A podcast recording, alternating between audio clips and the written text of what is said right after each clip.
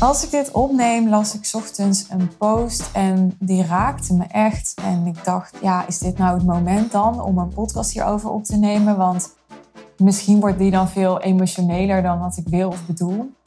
Maar ik geloof heel erg, als het mij raakt, dan gaat mijn hart open. En als mijn hart open gaat en ik ga vanuit die state of being praten tegen jou, dan gaat jouw hart ook open. En dan hebben wij een hartsverbinding. En ja, wat is er mooier dan dat?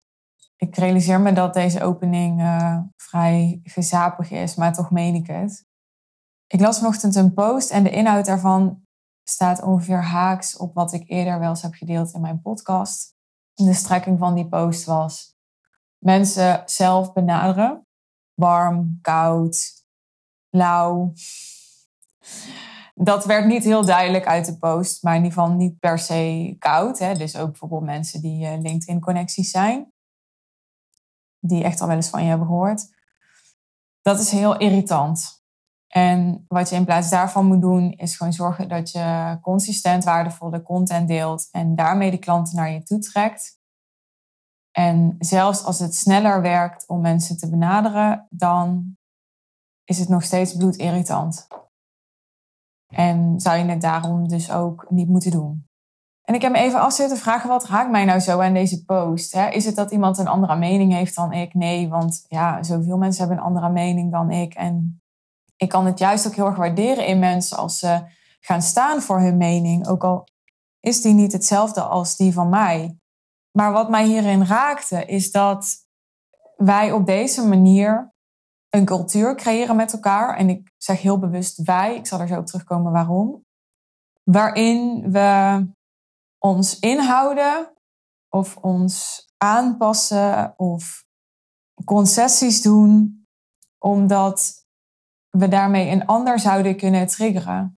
Want zo simpel is het namelijk. Als ik jou irritant vind, dan word ik door jou getriggerd. En een trigger is altijd iets van oude pijn wat ik vervolgens projecteer op in dit geval jou dan.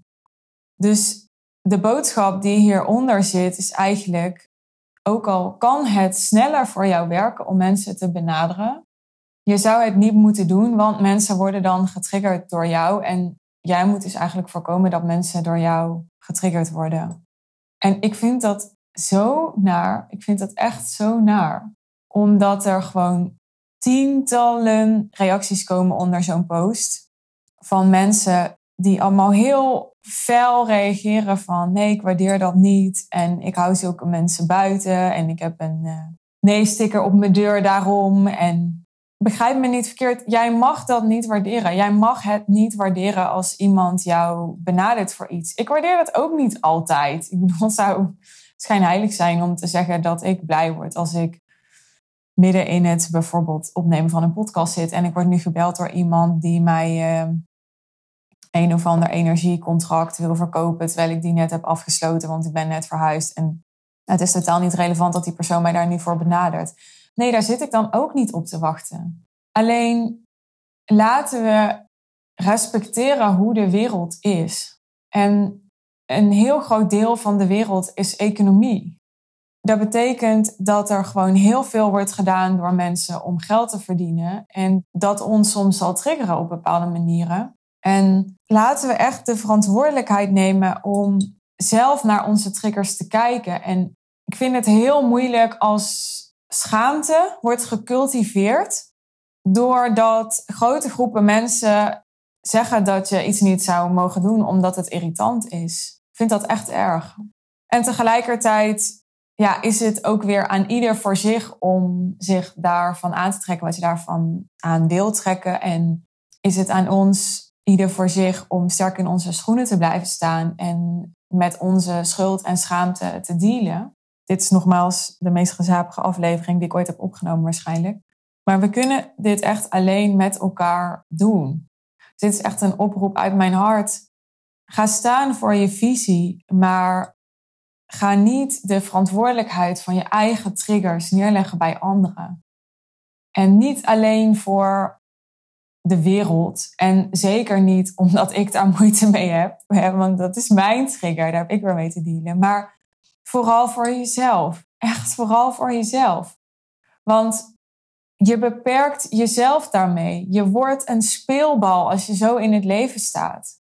want als jij vindt dat andere mensen zich moeten aanpassen zodat jij niet getriggerd wordt, dan ga jij je ook aanpassen aan andere mensen om hen niet te triggeren. En dat is echt de manier, daar ben ik van overtuigd, om een ongelukkig leven te leiden. En misschien niet altijd heel nadrukkelijk en misschien niet per se nu, maar ik geloof gewoon op de lange termijn dat dat niet ervoor gaat zorgen dat jij je maximale potentieel gaat leven, dat je helemaal tot vervulling gaat komen. Ik denk dat het gewoon niet mogelijk is. En als je nu denkt van wel, dan denk ik dat er dus nog een hele wereld voor je open kan gaan. En daar ga ik het bij laten.